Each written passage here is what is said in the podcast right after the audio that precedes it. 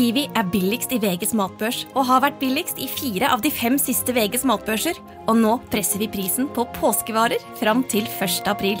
På 240-250 gram assortert Moro potetgull presser vi prisen fra 32,90 helt ned til 24,90. På assorterte 250 ml Cevita og Bendit smoothies presser vi prisen fra 1990 helt ned til 12,90 pluss pant. For det er vi som er prispresserne. Og vi i Kiwi gir oss aldri på pris.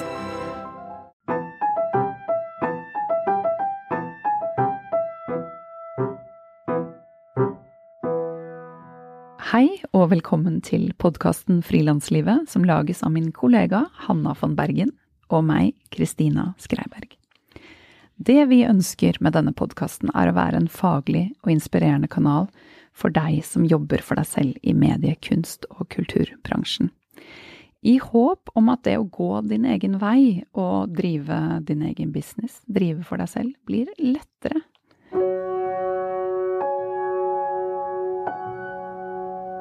Ukens annonsør er regnskapsprogrammet Fiken.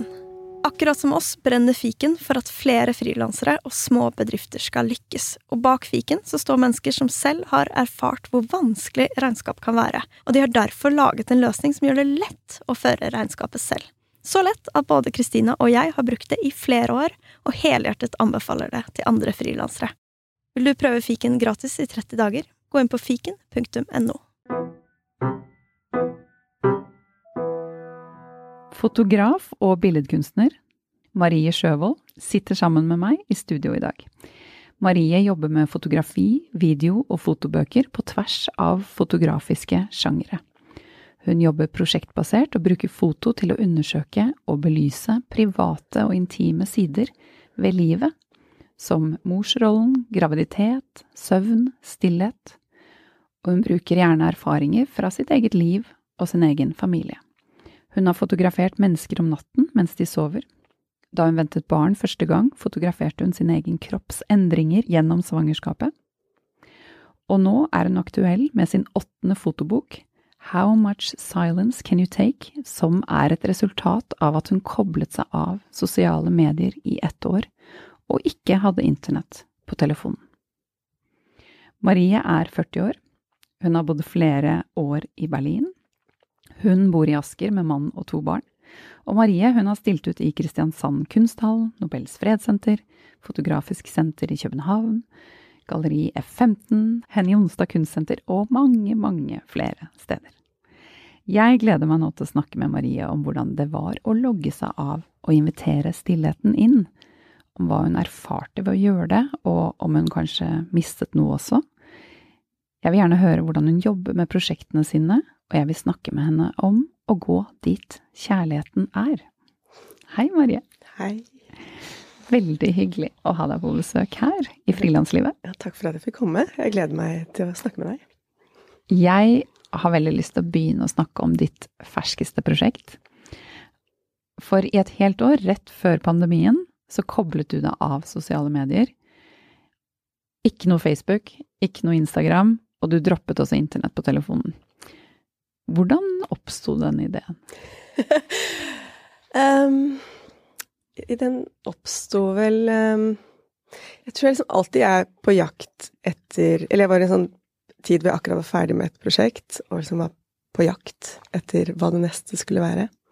Startet som en sånn en nysgjerrighet, og kanskje en liten sånn bekymring også, i forhold til um, Altså, når jeg så rundt meg, og når jeg så på sånn egen måte jeg brukte både sosiale medier og telefonen, så hadde den liksom på relativt kort tid nesten blitt sånn Den telefonen har nesten blitt en sånn forlengelse av kroppen min.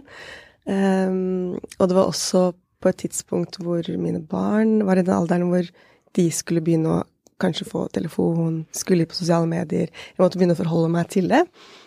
Um, jeg satt på bussen så, så, Altså, det var liksom Da jeg satt på bussen, så satt liksom alle i hver sin verden, da. Det er jo sånn, sånn det er, og, og, det er på en måte ikke Det er ikke noe galt med det, men, men det, det, hadde endret seg, da, eh, over Jeg kan jo fremdeles huske når vi satt på bussholdeplassen og så ut i luften. Så Nei, så jeg syns det er litt sånn Jeg hadde en sånn fascinasjon ved det, og at jeg hadde lyst til å Det var noe jeg hadde lyst til å gå inn i. Og så måtte jeg finne ut hvordan jeg skulle gå inn i det. Og, Og jeg tenker jo at jeg vet jo hva jeg får eh, med smarttelefonen, og jeg vet hva jeg får med sosiale medier. Mm, og det er jo mye. Altså, det er jo en viktig del av hverdagen. Um, men jeg ble litt sånn nysgjerrig på er det noe jeg mister. Uh, for jeg hadde på en måte blitt så vant til det. Og siden jeg er da, fotokunstner, så tenkte jeg sånn Hvordan kan jeg uttrykke det her? Og da valgte jeg da å logge meg av. Um, og satt disse dogmene som du nå nevnte, at jeg logget meg av um, sosiale medier. Og da at jeg ikke kunne bruke internett på telefonen. For jeg tenker at det er like, vel så viktig for meg, i hvert fall. Den, den derre scrollingen hvor jeg på en måte bare tar opp telefonen, og så vet jeg ikke helt hvorfor. um, og, men da bestemte jeg meg for at hver gang jeg da ville tatt opp telefonen, så tok jeg heller opp kamera, og så så jeg meg rundt, og så tok jeg et bilde. Så jeg på en måte registrerte alt det som jeg da ikke ville sett hvis jeg hadde vært på telefonen. Så det startet egentlig bare som de dogmene, eller med de dogmene.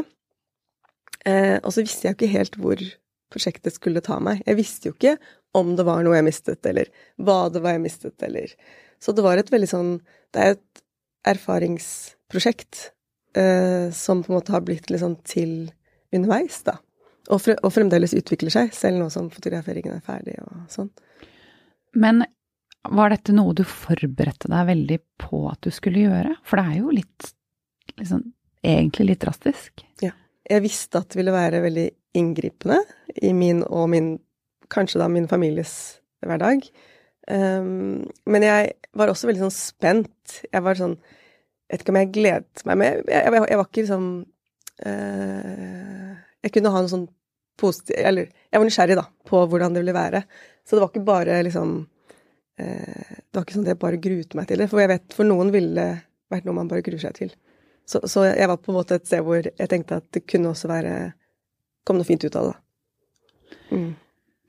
Men man tenker jo gjerne at eh, som Altså når man driver uh, for seg selv, så er den derre um, Altså synligheten mm. så viktig. Mm. Og du valgte jo da å gjøre deg selv litt Eller ganske utilgjengelig og mye mindre synlig. Mm. Hvordan var det? Nei, det var jo Jeg måtte jo ta en del sånn, som du sa, jeg måtte, jeg måtte jo forberede det. Fordi når man skal på en måte være ja, litt sånn usynlig, da. Altså jeg er jo selvstendig næringsdrivende, og jeg lever jo på en måte av en form for synlighet, da. Folk må på en måte huske meg kanskje for å um, Ja, om de skal kjøpe kunst, eller om de skal liksom inkludere meg i ting, da. Så rent sånn økonomisk så søkte jeg støtte til prosjektet. Jeg fikk eh, støtte Når jeg da fikk støtte fra Fritt Ord um, til liksom arbeidet med prosjektet, uh, og så når jeg da fikk også kunstnerstipend så var jeg sånn Ja, men nå Det, det går.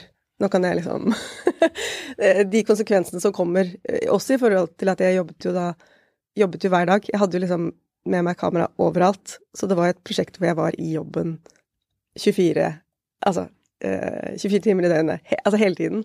Hvis jeg våknet opp på natten, så tok jeg et bilde. Så, så jeg var liksom i i prosess et helt år, da. Ja, ganske altoppslukende. Veldig altoppslukende. Noe sosiale medier også er, ja. egentlig. Ja, Eller, er, ja, det er jo det. Ja, så Men jeg måtte også forberede Jeg har jo to barn som går på skole og idretter og, og liksom type ting hvor sosiale medier brukes da, for å sende ut informasjon. Så der måtte jeg også liksom finne ut av hvordan skal jeg da få den informasjonen eh, Og liksom forberede også de rundt meg, da på det. Og jeg ville ikke at prosjektet skulle ha en Jeg ville ikke at det skulle på en måte ha, være negativt for barna mine, da. At jeg valgte å koble meg av. Så det var litt sånn ekstraarbeid. Og så måtte jeg begynne å abonnere på nyhetsbrev. Eh, og eh, abonnert, begynte å abonnere på papiraviser igjen. Altså sånne Jeg fikk på en måte få meg vekkerklokke, busskort, fordi alt skjer jo Og sånn en liten sånn bankbrikke fordi alt skjer jo på telefonen av sånne type ting. Så jeg måtte gjøre en del sånn forberedelser også til hverdagslivet. Eh, også arbeidslivet. Så jeg måtte være forberedt på at det var et år hvor det kom færre henvendelser, da. Og det gjorde det, gjorde det altså. Jeg, jeg, merket at når jeg logget meg på igjen, så fikk jeg mye sånn En del sånn kommentarer på at oi, nå skjer det mye. Og det er jo bare det at det skjedde jo ikke mer, men det var jo synlig det jeg gjorde. Så, så, det er jo en viktig, absolutt en viktig kanal eh, for, eh, ja, for oss frilansere, da. Men eh, jeg følger deg i, på Instagram, eh, og jeg tror jeg har gjort det i en del år. Og da jeg leste om dette prosjektet og boken din, så tenkte jeg hva har du vært av i et år? For det hadde ikke jeg fått med meg. Så det er jo så interessant at det er ikke nødvendigvis Altså, alle får ikke med seg alle andres usynlighet eller synlighet heller. Så mm, ja, at man, man kan også logge seg av uten at uten at noen reagerer. Ja, men det er interessant å si, for jeg tenkte fordi når jeg logget meg av, så skrev jeg sånn Jeg skrev en melding. Jeg logget av et år. Sånn at ikke For jeg var jo ikke da heller på sånn Messenger Altså, så hvis noen da sendte meg en mail på Facebook, og ikke jeg svarte på et år, så kan det oppleves ganske frekt. Eh, så da hvis de ikke inn på profilen min, som var da Altså, jeg kunne ikke gå inn på den, men den var jo der. Eh, så, mm, så kunne de da i hvert fall få informasjon om at jeg ikke logget på. Men når jeg da skulle logge meg på igjen, så vurderte jeg sånn Skal jeg nå si sånn Hei, jeg er tilbake? Men så var jeg sånn Men det er sikkert ingen som har merket det. eller det er sikkert mange som ikke har merket det. Så da valgte jeg å Eller jeg vet ikke Jeg tror faktisk ikke jeg skrev noe sånn Eller jeg var postet et eller annet. Men det var ikke noe sånn Jeg annonserte ikke at jeg var tilbake fordi For det er så mye Altså det skjer jo så mye der hele tiden. Man får jo ikke med seg, nei. Det er, det er en sånn usynlighet også, da. I, ja, og det er jo litt lettende også, kanskje, at alle ikke får med seg alt rundt en selv. Nei. Hva syns du at det tilførte til eh, deg personlig og til kunstnerskapet ditt? Um, det tilførte Altså, det første Altså, boken heter jo How much silence can you take? Og det er et sånt notat fra Det kom fra et notat som jeg skrev på et eller annet tidspunkt i, i liksom eh, arbeids, ja, arbeidsnotat, da. Um, og noe av det som kom Eller i, i, starten så var det en sånn rastløshet jeg opplevde, fordi det var veldig ofte at jeg kjente at nå ville jeg tatt opp telefonen, så jeg tok enormt mye bilder i begynnelsen. Um, og um, så sånn sett var jeg heldig at jeg kanskje at jeg faktisk kunne gjøre noe, istedenfor at jeg kunne liksom, gjøre noe konstruktivt ut av det.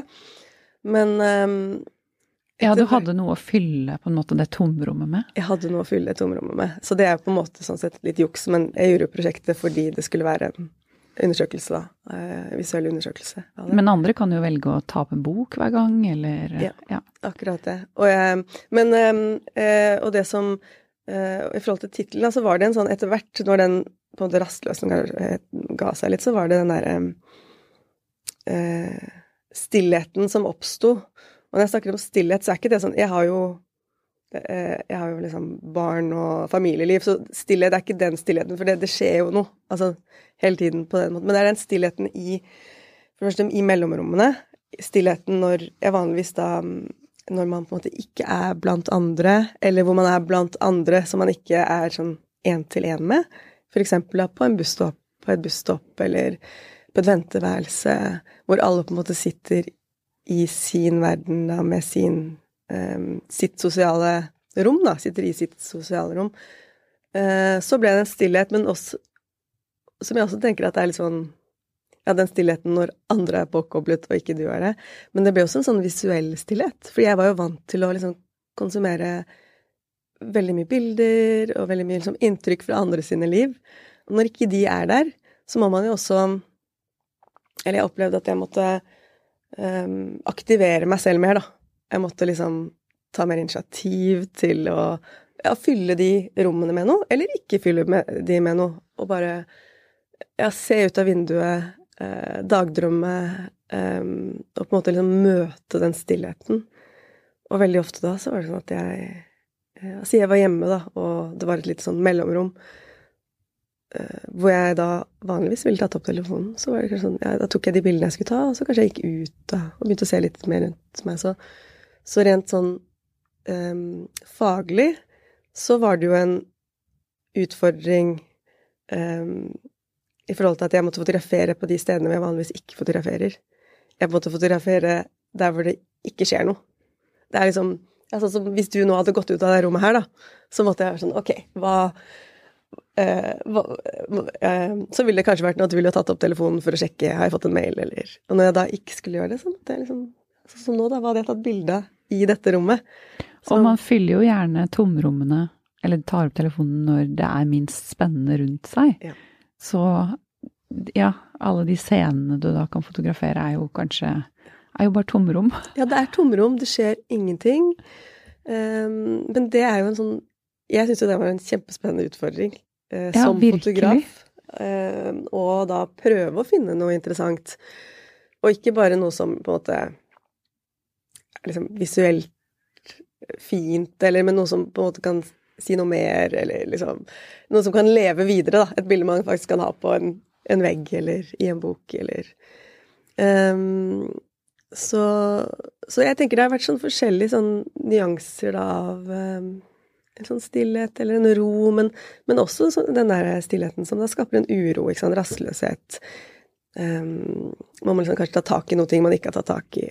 Altså det, for det er jo lett også å distrahere seg selv um, med telefonen, da, ikke sant. Og, og det gjør jeg jo. Så det er ikke sånn jeg må bare si, Det er jo ikke et sånn moraliserende prosjekt her, det er jo et undersøkende prosjekt. Og jeg er jo en av de som eh, fort har liksom tydd til telefonen, da. Fordi det skjer jo. Så Men hvordan forholder du deg til um, telefonen i dag? Altså, har det endret noe for deg? Ja, det har absolutt det. Det er jo en sånn Det er jo noe med For det første, når man liksom sier noe høyt, så må man også kanskje Blir man mer bevisst bevisste. Og så tror jeg at um, Ved at jeg liksom har levd det i et helt år uh, Et helt år? Det er jo helt- helt utrolig. Ja, så gjør det noe med at det er liksom ehm, Jeg tenker det er en forskjell på Altså, en idé er én ting, men det å liksom erfare noe rent sånn kroppslig, som jeg føler at jeg har gjort, da, gjennom Fordi nå har jeg liksom sagt et par erfaringer, men det er jo sånn utrolig mye erfaringer man får på et år.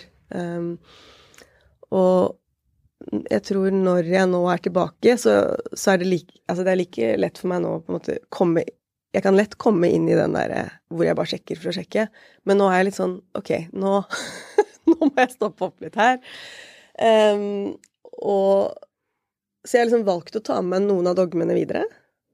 Fordi uh, Og det kan være sånn uh, For eksempel på morgenene har jeg bestemt meg for å ikke ta opp ikke liksom bruke telefonen før barna har gått ut av huset. Um, av forskjellige grunner. Også fordi jeg opplever at hvis jeg liksom inviterer eh, omverdenen, da, eller verden utenfor, inn, så påvirker jo også det meg, da. Ikke sant? Det kan være sånn Å, jeg får en, en mail, for eksempel, som eh, Noe jeg har glemt å svare på, eller noe som har skjedd ute i verden, som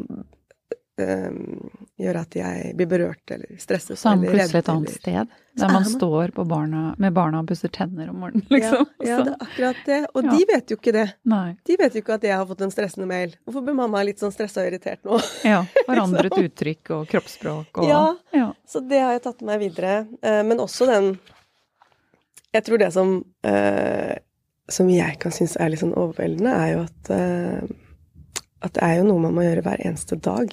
Å ta de valgene. Ut ifra hva som passer for sitt liv, da. Så jeg har prøvd nå å finne ut hva som passer for mitt liv. um, I forhold til uh, bruk av sosiale medier og, og telefonen. Men, men um, det er jo ikke noe sånn man kan gjøre i sånn Det er ikke noe sånn skippertaksarbeid. Det er jo litt det samme som å liksom spise sunt, Ja. trene Alle de tingene vi gjør. Pusse tenner, som du Søvn, sier. forhold til penger Altså ting som Ja. er en konstant ting i livet. Det er konstant, og det har liksom kommet for å bli. Så Og jeg tror også det har tatt meg at jeg, jeg Det er bare jeg som kan bestemme over min oppmerksomhet. Det er, den er jo der, telefonen er jo der for å fange min oppmerksomhet. Men jeg um, kan Det krever. Det krever mye, men jeg kan ta kontroll, da. Um, så det har jeg nok tatt med meg videre. Og, og den derre Jeg vet ikke, jeg tror jeg liksom liker veldig godt nå eh, Hvis jeg er for tidlig til et møte, så prøver jeg liksom å da bare Ok, nå skal jeg bare sitte og se ut i lufta, eller nå går jeg meg en liten tur. Så jeg prøver å være bevisst på det.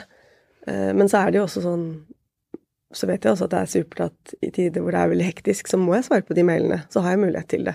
Eller jeg Så, så det er liksom Det er jo et fantastisk verktøy. Det er jo det. Og den muligheten til å holde kontakt og Ja. Se hva folk gjør, eller dele tingene man eh, jobber med. Så lenge man holder det ja, litt sånn armlengdes avstand og bruker det for det gode verktøyet det er. Ja. Men, det er akkurat eh, det, fordi ehm, Men så er det så lett å bare ja, snuble med Ja. og være på en eh, ja, karusell.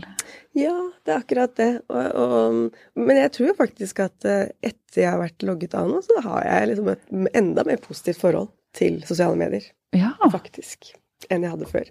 For før har jeg nok, jeg har nok hatt litt den der at jeg har følt at, at jeg har nesten vært litt sånn ute av min kontroll til tider. Eller Og jeg har prøvd å ha et ganske bevisst forhold til det, men allikevel så har det vært litt sånn Kunne blitt nesten litt overveldet, eller Men nå tenker jeg at nei, vet du hva. Det er Jeg har muligheten til å ytre meg til så mange mennesker.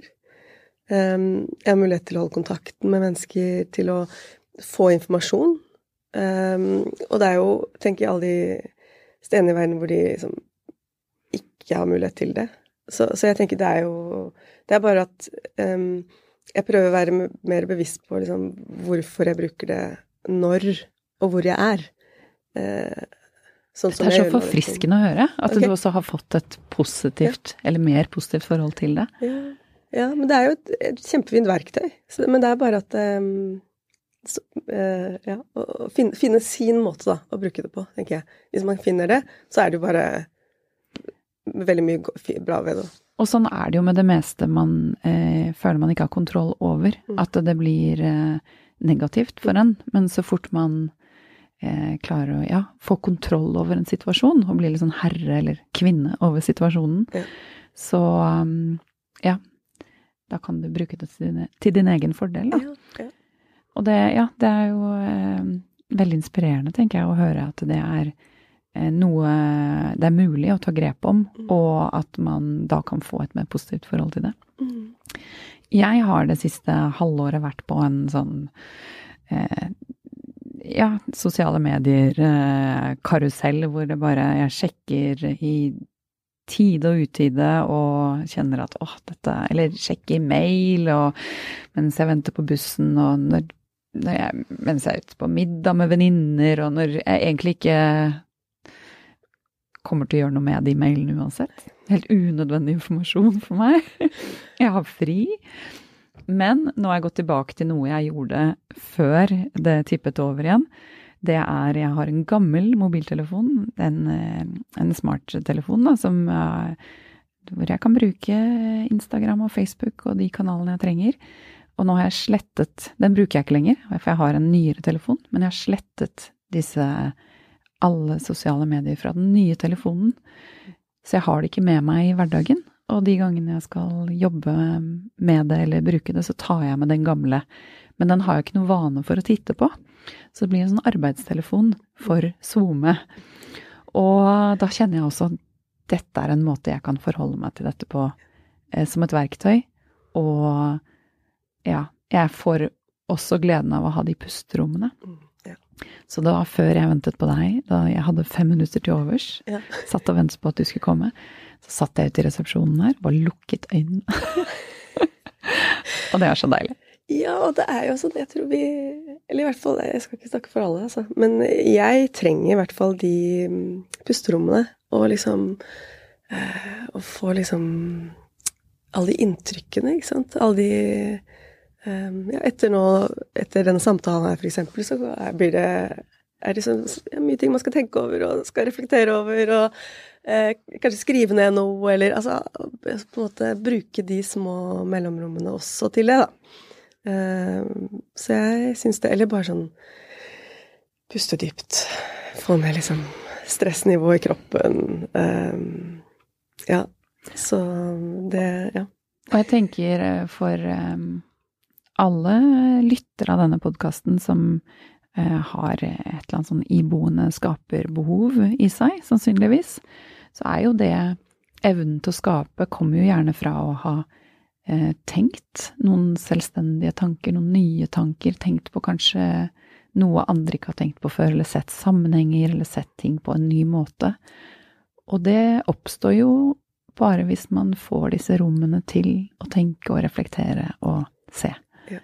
Så um, ikke gi fra dere gullet, dere, til eh, Instagram og Facebook. Liksom behold det selv, og putt det ned i på papiret eller skisseblokka, eller hvor enn det dere vil kanalisere det. Ja, men det har du, du har så rett i det. Og det er jo Vi må liksom Og det er i de mellomrommene, eller sånn når man sitter og dagdrømmer, eller det er Dagdrømme er jo Ja. fantastisk. Ja, men det er jo da de liksom frie tankene kommer, da. Og det er jo Eller at vi, som du sier, at man kan liksom ta med seg erfaringer, reflektere over de, og så kommer det ut i noe nytt. Og som regel så er kanskje ikke det ting man tar med seg, men allikevel så er det noe med å eh, gi seg selv eh, lov, da, og de rommene. Og det er også en sånn ting jeg har tatt med meg videre. Og det å liksom også i mitt eh, arbeidsliv å skape litt større rom, skape stille rom. For jeg ser liksom betydningen av det også for det kreative arbeidet. Det er så lett å liksom Og i perioder så har jeg også sånn i forhold til at man bare må liksom krysse, av på en to do-liste, liksom. Ting som må gjøres. Men, men det å liksom også liksom sette av tid til at ok, her, her skal det ikke skje noe. Her trenger jeg liksom refleksjonstid, tid til å Ja, tid til fordypningen, da. Eh, Så det også har liksom kommet litt ut av eh, Jeg har liksom blitt enda mer bevisst da, på de stille rommene. eh, Både i arbeid og i privatlivet. Og ideelt sett, hvor ofte i løpet av en uke, eller jeg vet ikke hvordan du jobber med kalenderen din, eller en måned, hvor ofte ønsker du å ha sånne bolker med stillerom? I løpet av kanskje arbeidstiden din? Um, det kommer jo litt an på, fordi i arbeidet mitt Jeg har jo sånn, får liksom mer og mer behov, kjenner jeg, for å ha noe sånn mer og mer rutiner i uka mi. Som jeg ikke har hatt så mye før. Um, og Men det kan være sånne små ting jeg pleier å Hvis jeg um, Nå i det siste så har jeg begynt med i hvert fall prøve å få til en sånn 10 minutters 10-20 minutters medita meditasjon i løpet av dagen. Som er da litt sånn på en måte en form for liksom hviletid, eller um, tanke, en tid for å liksom la tankene løpe fritt, da. Og for meg funker det da Noen funker det jo å ta en joggetur, eller eh, en gåtur, eller eh, Det er liksom forskjellig eh, fra menneske til menneske. Men for meg er det liksom Meditasjon funker fint. Men det er mer sånn Jeg har, jeg har nå satt opp kalenderen min sånn frem til september til neste. Oi! år. Og det, det jeg egentlig har gjort, da, er vel heller det å liksom, sette av noen dager, men også skape litt sånn ekstra rom da, når jeg vet at jeg skal lage en utstilling. Eh, så vet jeg at det tar ikke bare eh, Prøve å være litt sånn tidspessimist, nesten. Jeg har vært veldig sånn tidsoptimist hele livet, men nå tenker jeg sånn ting tar tid. Det tar alltid mer tid enn jeg tror. Og dette vil jeg ta med meg inn i det nye året. Ja, så bra. Ja, Ja. Er, ja og nå har jeg sånn For jeg har satt opp sånn Mandager skal være sånn administrativ dag, for jeg vet at Samme her. Ja, fordi det er noe med å ikke ligge bak fra dag én liksom følge opp og sånn. Men da er det jo også rom den dagen for eh, videreutvikling. Hva vil jeg? Hva vil jeg med denne uka, eller hva vil jeg med eh, hva, hva er det behov for, eller Altså legge opp uka litt, da. Og så har jeg tenkt at kanskje en av dagene skal være sånn møtedagen, bare for å liksom strukturere litt. Og da vet jeg at de tre dagene i midten her, det er sånn fordypningsatelierdager, eller hvis det da kommer oppdrag eller sånn, da. Og det må jo man selvfølgelig tilpasse, men det å liksom ha um, Jeg prøver å lage en sånn struktur og noen begrensninger for å skape de rommene, da. Fordi det er alltid da ideene kommer. Og det er alltid da jeg kommer videre, når jeg har de, eh, de rommene som ikke er fulgt opp.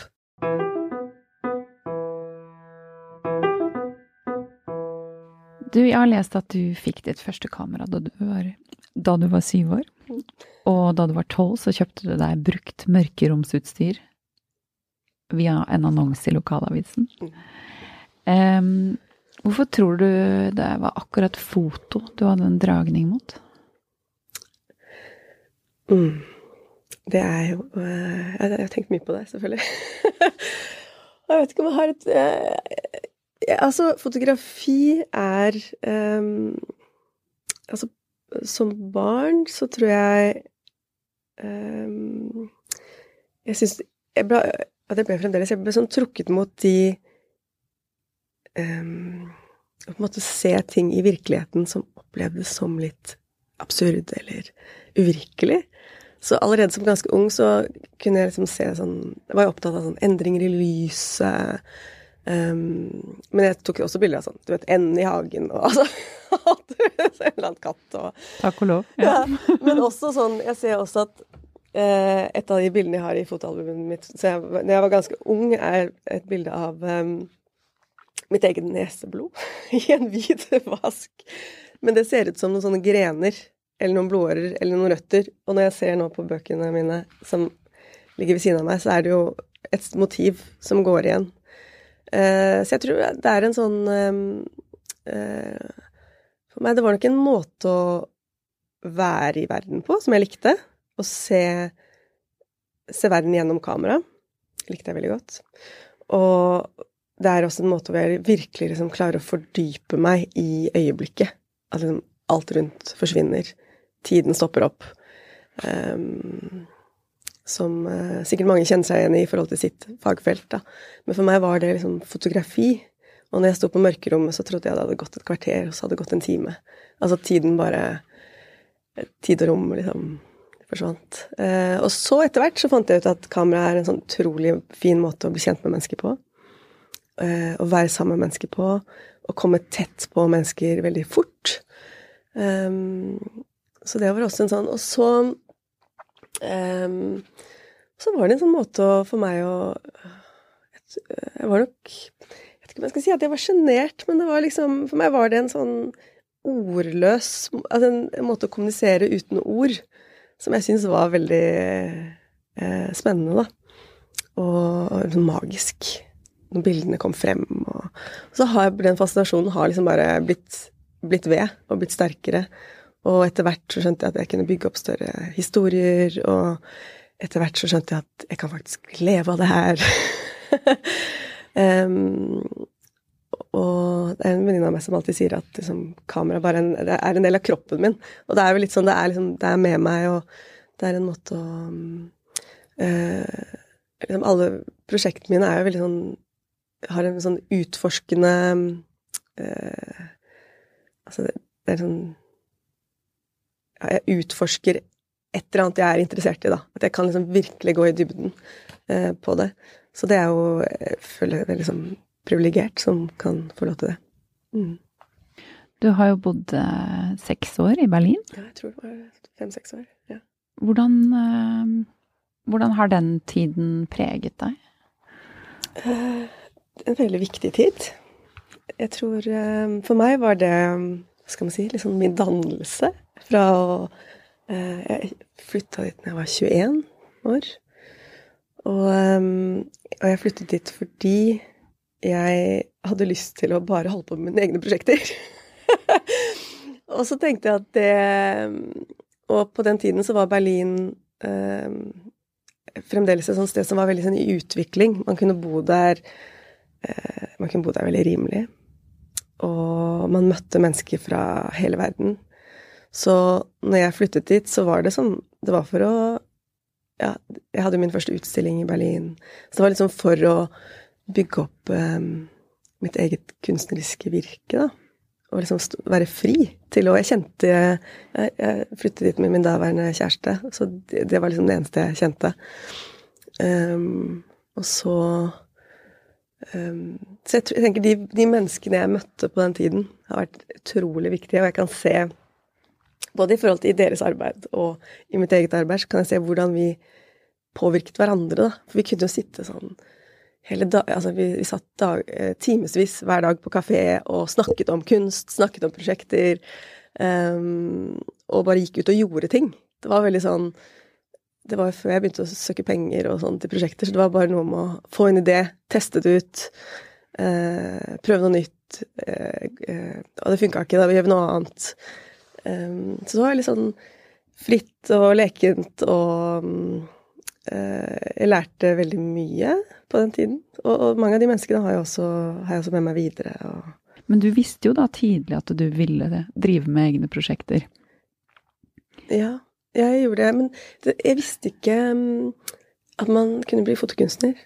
Det tok litt tid for meg å forstå at det er noe uh, at det, Både at det eksisterte. Jeg tror det var så I 1999 så, så jeg utstillinga Tom Sandberg på Astrup Fearnley, og da var jeg sånn Oi, er dette liksom ah, Fotokunst! Um, så, men, jeg, men, jeg, visste veldig tidlig at, at jeg ville jobbe med fotografi, og jeg ville gjøre mine egne ting.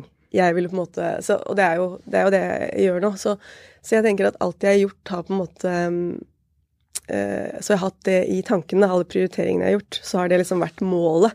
Har vært at jeg vil uh, få en idé, og så vil jeg gjerne lage en bildeserie og, og, på en måte få lov til å uh, formidle noe som er viktig for meg, da.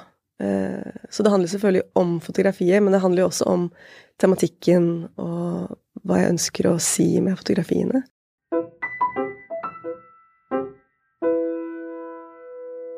Men eh, i da en del år så kombinerte du det å eh, starte og drive frem egne ideer og eh, frilanse mm. for andre.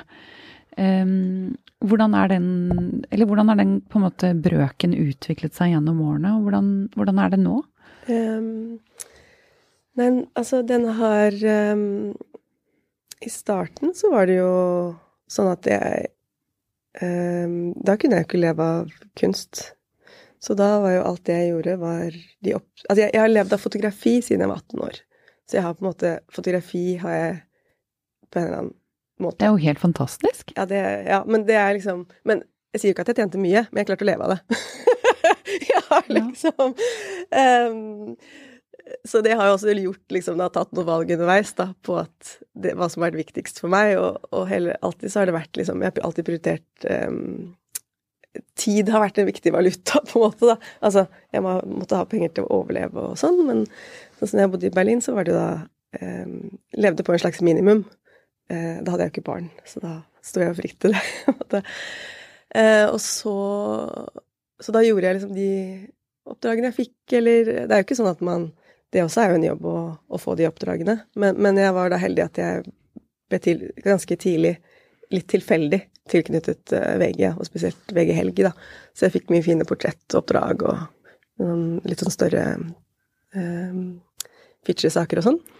Ja, og i, i, min research så ja. frisket jeg opp et minne av et bilde som du har tatt i 2005 av Erna Solberg hvor hun står i, i Båndtjern i Nordmarka, mm. i, altså, i vannet, eh, med vann opp til livet, i en kongeblå ballkjole, blant vannliljer og med kjolen flytende rundt henne.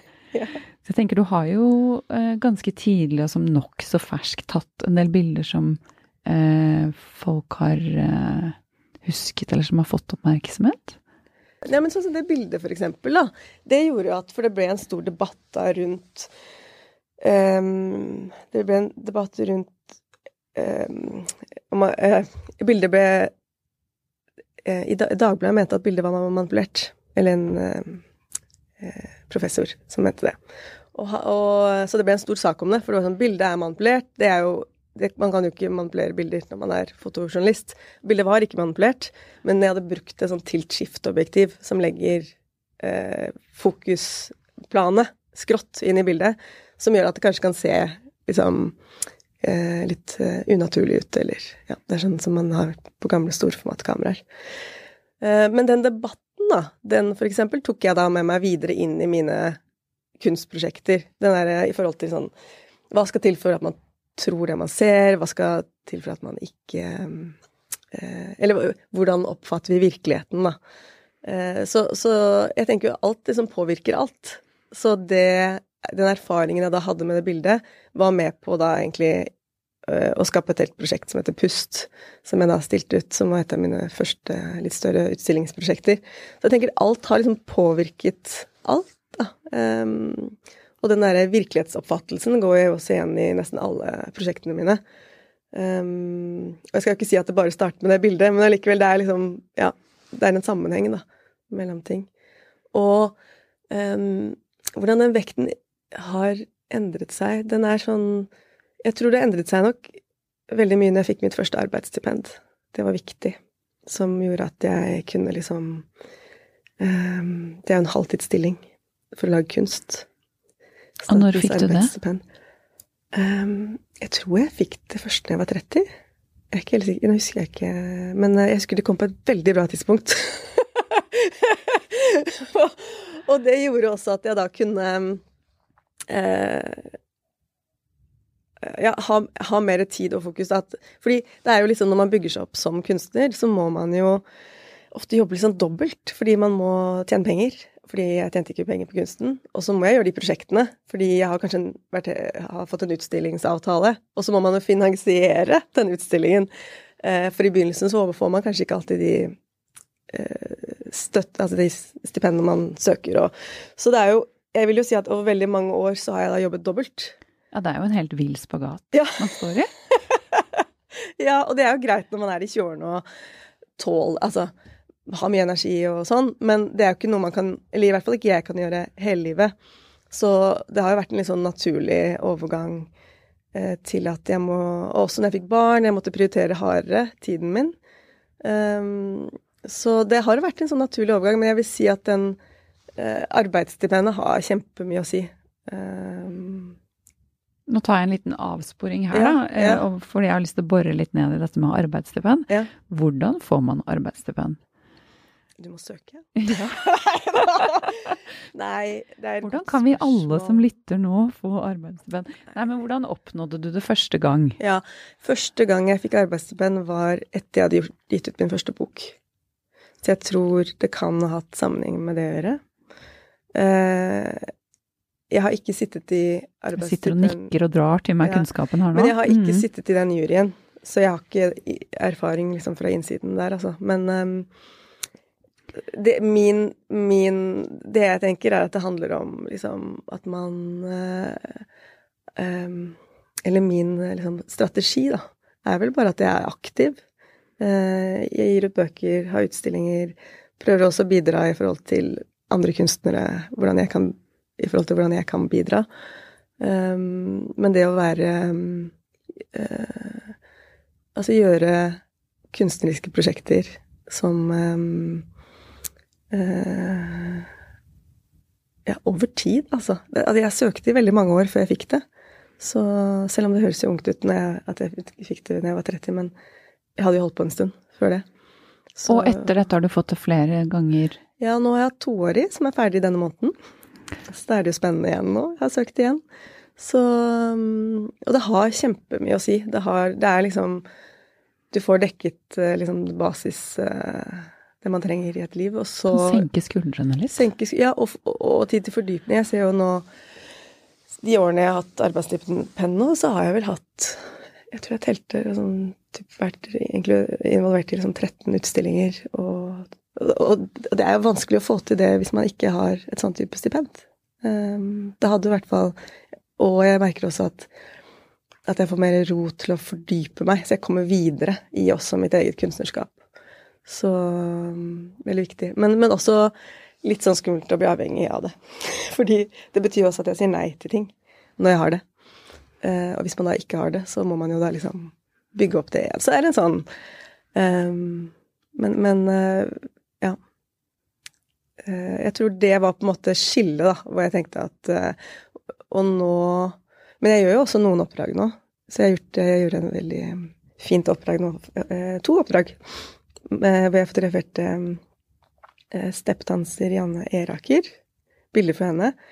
Og det også er sånn liksom, Jeg kan fremdeles kjenne på den der gleden av det der kreative samarbeid og Menneskemøte. Menneskemøte. Og liksom da er det litt sånn da gjør vi det liksom der og da. Eh, for jeg jobber jo Prosjektene jeg jobber med, er jo ofte over mange år. Eh, og veldig sånne lange linjer, da.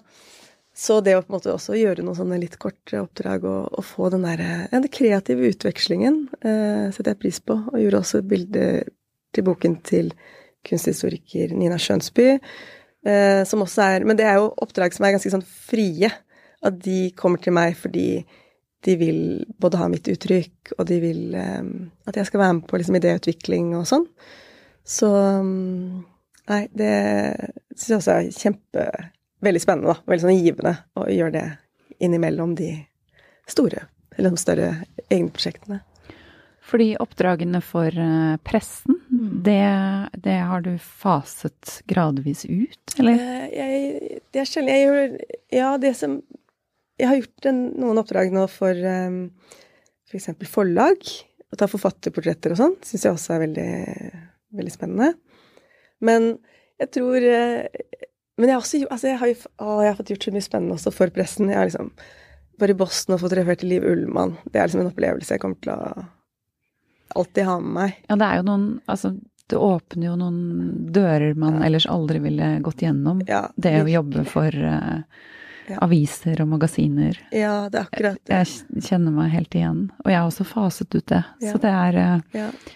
Men det var jo Kanskje det kommer tilbake, men det var eh, da jeg holdt på med det som e- mange eventyr og menneskemøter. Ja, det er akkurat det. Og det er sånn um, Men jeg tror Jeg har i hvert fall funnet en form som fungerer for meg. Og jeg vet jo at det er mange som, når de liksom hører hvordan min jobbhverdag er, og det er jo mye usikkerhet, og det er jo liksom en sånn eh, Og man må jo hele tiden drive seg selv fremover. Um, så er det jo veldig mange som er sånn Nei, det, det er ikke noe for meg. Men for meg er det drømmen. Dette er liksom drøm. Altså, hvis, hvis, uh, hvis jeg kan fortsette sånn som det er nå, så er jeg veldig fornøyd, da. Men, men jeg tar jo ikke det for gitt heller, for det er ikke sant, Plutselig lever vi, lever i usikre tider nå med krig i Europa. Altså, det endrer seg hele tiden. Men jeg tror en ting jeg også har fått med meg liksom, etter nå 20 år som frilanser, det er jo at man liksom må på en eller annen måte um, se mulighetene i den situasjonen man er i. For den endrer seg hele tiden. Og den endrer seg ut ifra alder, hvor man er i livet, livssituasjon. Samfunnet endrer seg. Så det er noe med å være litt sånn tilpasse seg det, da. Og kanskje heller sette pris på ting når det fungerer. Og så må man kanskje liksom plutselig gjør noe annet, eller Altså, jeg liksom Jeg tenker at uh, at ingenting er uh, satt, liksom, eller fast. Det, det, er i endringen, da. Ja, virkelig hele tiden. Ja. Så det er ikke Og det, ja, det, det er uh, Frilanslivet kan by på Eller kunstnerlivet, eller det skapende livet, by på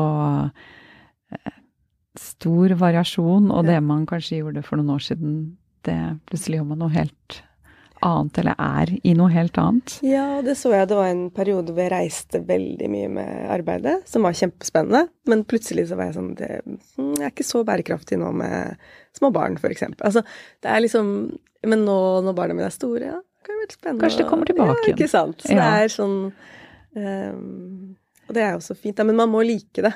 Man må liksom like at ting er i endring. For å Vi vil aller helst være veldig endringsvillig. Ja. Helt klart. ja. Det at arbeidslivet vårt stadig er i endring, gjør nok også at det kan være vanskelig for andre å henge helt med på hvor man er i arbeidslivet sitt. Ja. For det kan jeg merke sånn, Familie kan spørre sånn Ja, hva gjør du nå, da? Eller, hva, eller at de kan tro jeg jobber med noe, og så tenker jeg sånn Nei, nei, men det var jo noen år siden. Nå jobber jeg med noe helt annet. Ja. det Ja, det er sant. Å henge med selv også, da. Ja, men Ja, for noen ganger også. så er det jo sånn at man kan tenke sånn Ja, men det holder jo jeg på med. Og så er det sånn Ja, men det har jeg ikke gjort på tre år. Eller at man liksom ja, at det eh, bildet sitter ved, eller det man identifiserer seg med. Ja, ja, det er virkelig Og så er det ting går også i sånn i faser. Sånn som nå har jeg hatt en periode hvor jeg har hatt veldig mye utstillinger, em, foredrag Altså at jeg liksom vært mye ute med arbeidet. Uh, men før det var det jo en periode ikke sant, Jeg logget meg av, gjorde det prosjektet, var liksom uh, Pandemien kom, hvor det var en veldig sånn mer uh, En periode med fordypning, arbeid, og hvor jeg da var mye på atelier. Um, så det er en sånn der, for meg også en sånn veksling, fordi før gjorde jeg alle de tingene på én gang. Em, det har jeg funnet ut at jeg ikke At nå er det Jo, men jeg tror, det var, jeg tror når jeg var yngre, jeg følte jeg hadde dårlig tid. da. Jeg måtte gjøre alt på en gang. Og liksom, og det handlet jo om at man skulle liksom bygge seg opp, klare å leve av det her. Jeg følte også at jeg, Ja. at jeg hadde veldig dårlig Ja. tid da jeg var yngre. ja, Men nå har jeg liksom tenkt sånn Ok, men nå har jeg fire utstillinger nå til våren og til høsten. Så det er det som står i kalenderen frem til september, som du Frem til september, ja. sa at du hadde fylt opp? Ja, og da vet jeg at ja, jeg kan nok Jeg, jeg er liksom litt i gang med et nytt prosjekt, men selve fordypningen til det prosjektet kommer ikke til å skje før i oktober til neste år. Og det er liksom fint å vite over på en måte nå legge litt sånn lengre planer, da. Og tenke at uh, alt trenger ikke skje på én gang. Uh, og det er en tid for å være ute og liksom dele prosjektene, og så er det en tid for å um 20 nye sparetips hos Kiwi. Mitt aller beste sparetips er First Price familiepizza. Garantert billigst i Kiwi. Nå får du 1 kilo First Price familiepizza til 59,90, 900 gram First Price stekte kjøttboller til 59,90 og mange andre First Price-nyheter hos Kiwi. skape de. Du, jeg har lest at det beste rådet du har fått, er å gå dit kjærligheten er. Ja. Det høres veldig sånn veldig svulstig ut, men, men jeg syns det er fint. Ja, for jeg tenker, nå har vi jo snakket en del om det å være Eller la seg lede av eh, prosjektene sine, og hvor eh, At du, du føler at du lever eh, drømmelivet, Mm. egentlig. Så går du dit kjærlighet er for deg? Mm. Mhm. Ja. Um, også kanskje en ting som har kommet liksom med erfaring. Altså, og det handler jo om både liksom lidenskap for ting. Um, når man skal gå inn i et prosjekt, sånn som jeg jobber jo da som sagt i mange år med et prosjekt, og du må liksom være veldig dedikert. Det er ikke, det er ikke noe du liksom har litt lyst til å gjøre. Du må liksom gå inn i det med med en sånn genuin interesse da, og kjærlighet eh, til prosjektet. Um, men det handler jo også om de menneskene som man velger å um, samarbeide med. Um, og man kunne jo sikkert sagt at eh, det er pengene her. da. Ja.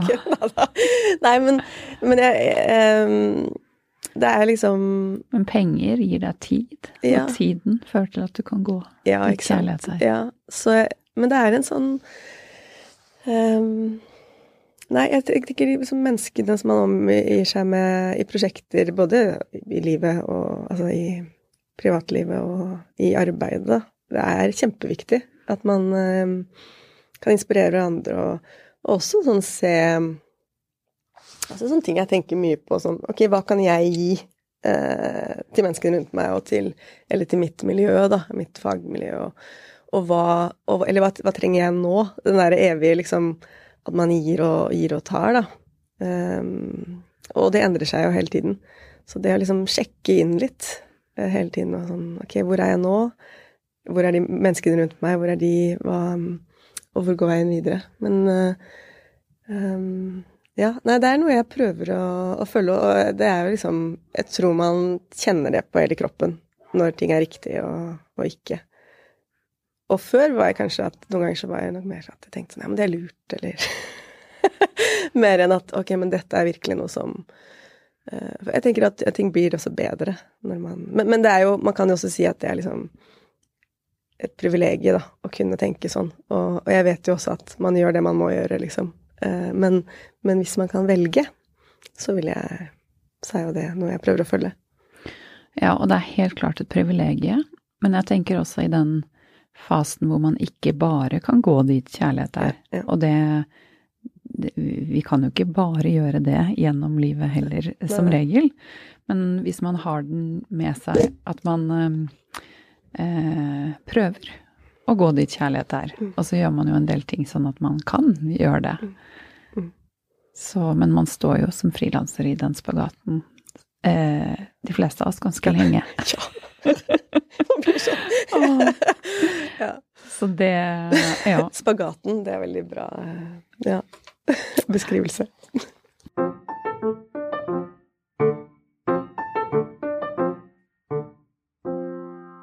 Jeg vil gjerne snakke litt om utstillingen Kunstrom skogen. Mm.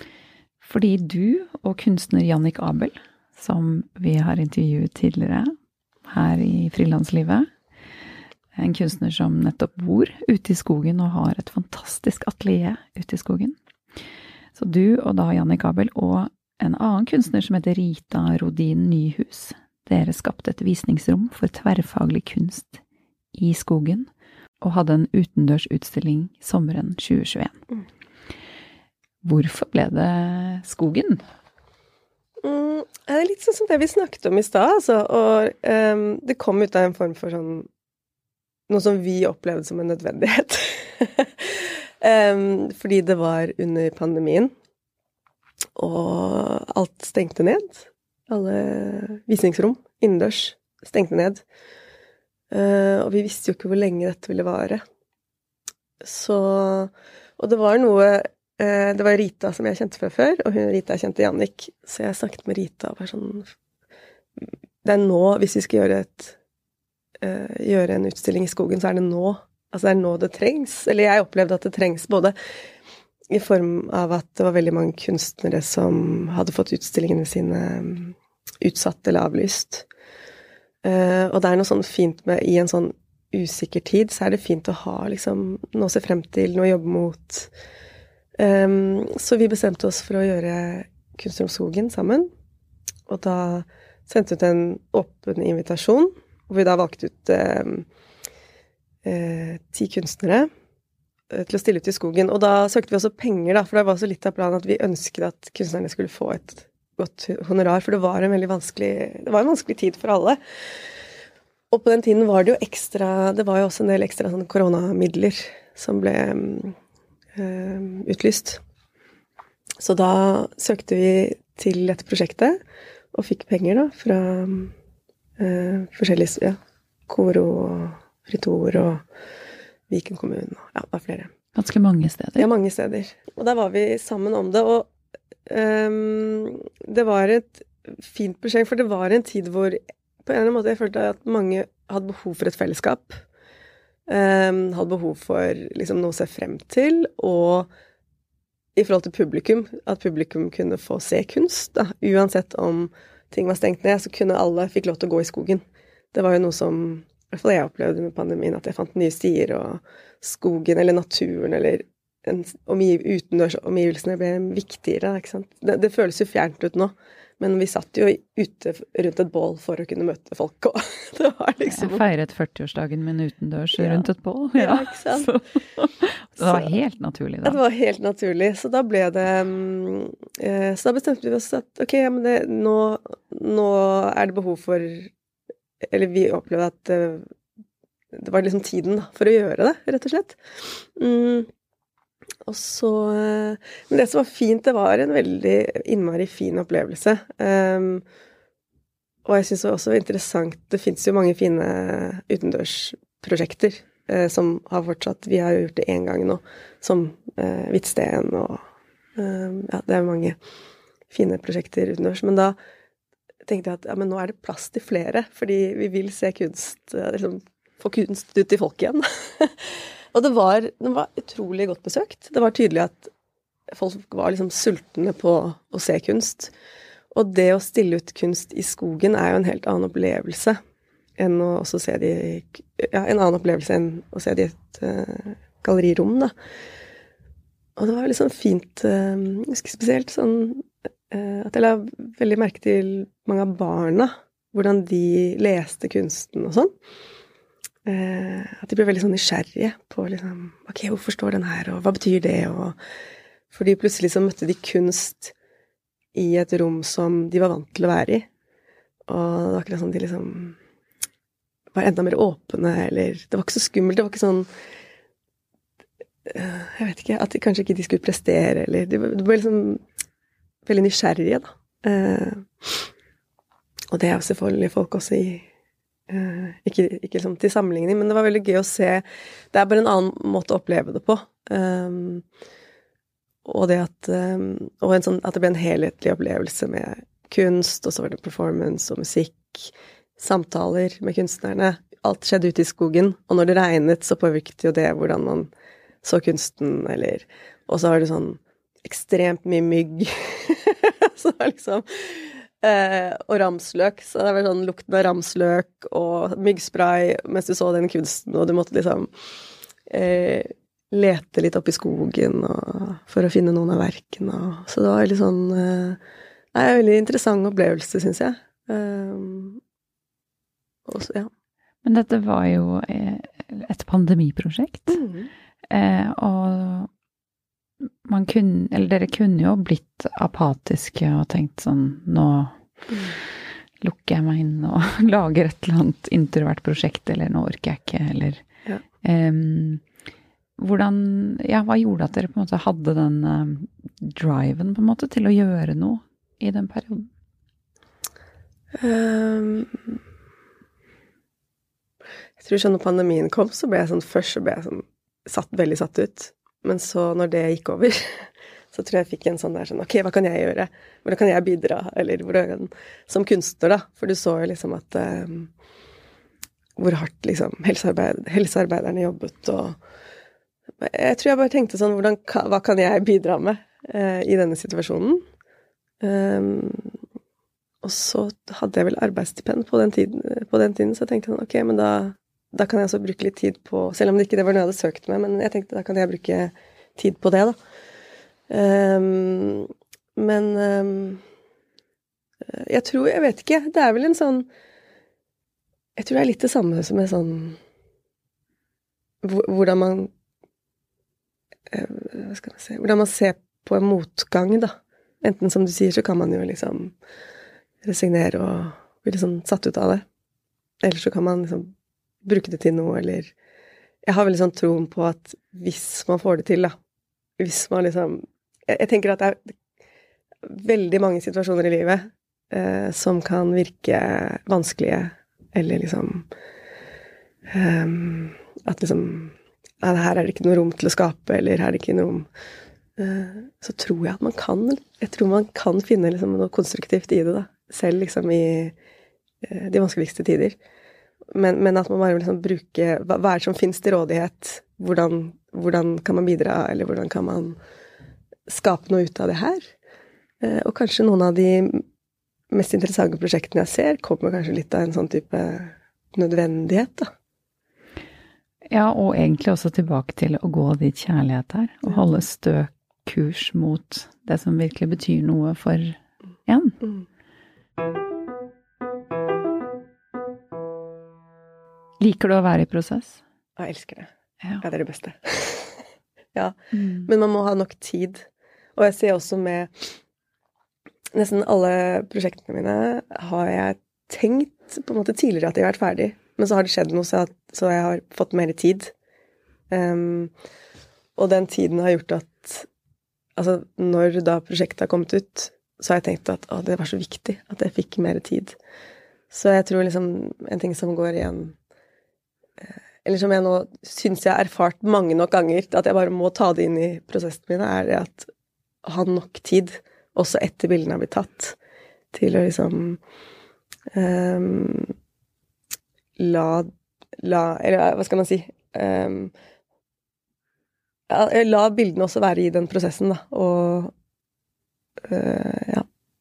ja. Det er liksom en stor samtale i seg selv, akkurat. Men, men ja, absolutt. Det å være prosess og ehm, hele tiden liksom finjustere veien. Når jeg startet, da, når jeg hadde kanskje mine første, første utstilling, så var det, tenkte jeg jo sånn Altså, hvis, jeg klarte ikke å se mye lenger frem enn en måned av gangen. Altså, det var jo en måned Det var lang tid. Ja, en måned var Ja. kjempelang tid. Nå vil jeg gjerne tenke fem år frem. Altså, det er en helt sånn Det er jo en veldig annen måte å jobbe på. Eller ett år, eller Men for meg en måned nå er jo liksom Hvis jeg skal ha en utstilling om en måned, da skal den gjerne være ferdig allerede. Altså, da skal, da skal den være ferdig til frakt. Men da jeg var yngre, så kunne jeg jobbe med en utstilling som jeg skulle ha neste måned, altså være i fotograferingsfasen. Så jeg tenker det er Ja, liksom og det er så fascinerende. Ja, det er så mange måter å gjøre det på. Ja, det er jo Ja. det. Eller sånn Jeg husker en sånn prosjekt jeg gjorde hvor det var sånn Ok, nå har vi fem dager på å gjøre det her. Altså, det, det, men det, det er jo ikke noe jeg liker nå.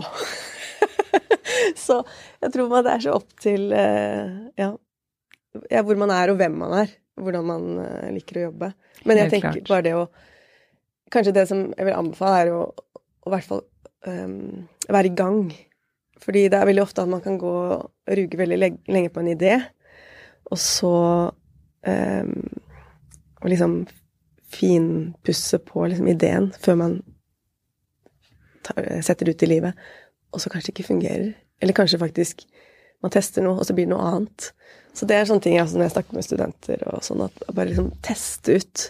Bare komme i gang og se uh, hva er denne ideen. Um, så det er kanskje ja. Veldig godt råd.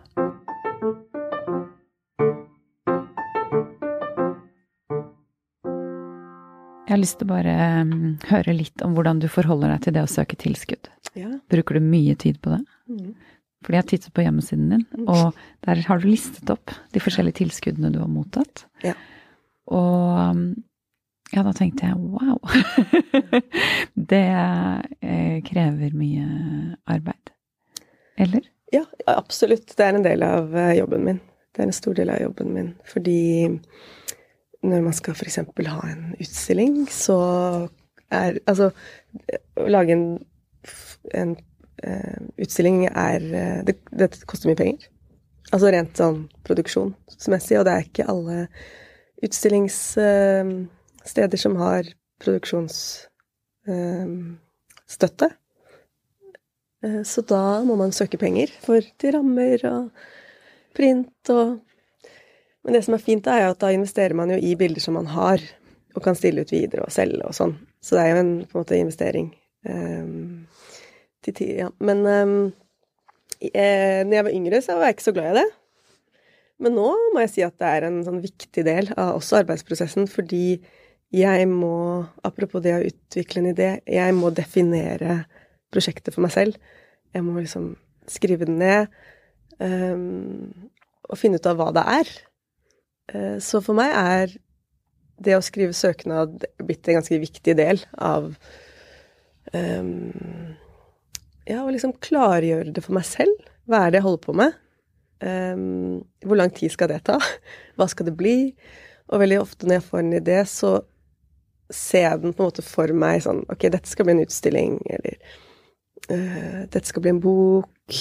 Uh, kanskje dette skal bli mer som en sånn Mer en installasjon. Så det er ofte at, at i starten av ideen så ser jeg også for meg liksom uh, sluttproduktet, da.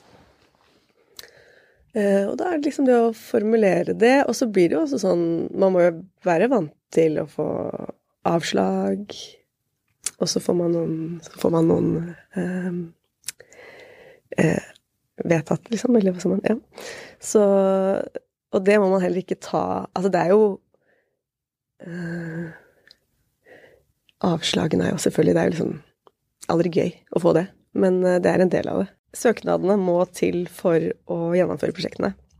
Og, og, men, jeg syns det er en fin Det er tidkrevende, men det er også en uh, veldig sånn bra del av prosessen, altså. Så jeg tror man liksom Og så merker jeg veldig godt selv når en idé da kommer til å fungere eller ikke. Hvis jeg skriver en søknad og jeg kjente sånn man ikke tror helt på den? Ikke helt tror på den. Ja. Da er det ikke noe vits i å sende den inn.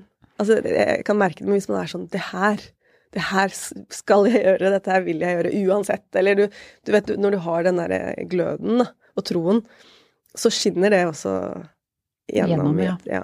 Mm. Så Nei, det er en Jeg bruker Nei, jeg vet ikke, ikke sånn kjempemye men det er jo det er absolutt en del av jobben. Det er det. Som Så det er en del av hvert prosjekt? Ja. ja. Absolutt. Mm.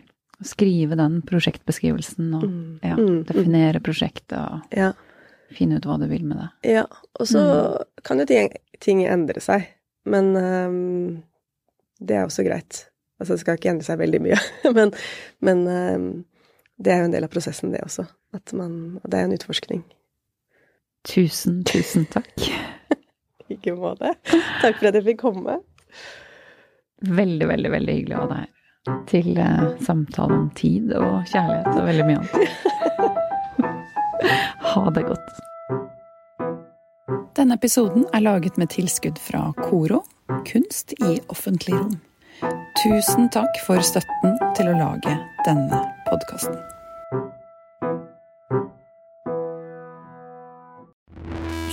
nye sparetips hos Kiwi. Mitt sparetips er nyheten fra First Price. Store tortillalefser. Garantert billigst i Kiwi. Nå får du First Price store tortillalefser til 29,90, First Price kjøttdeig av svin uten salt og vann til 29,90 og mange andre First Price-nyheter hos Kiwi.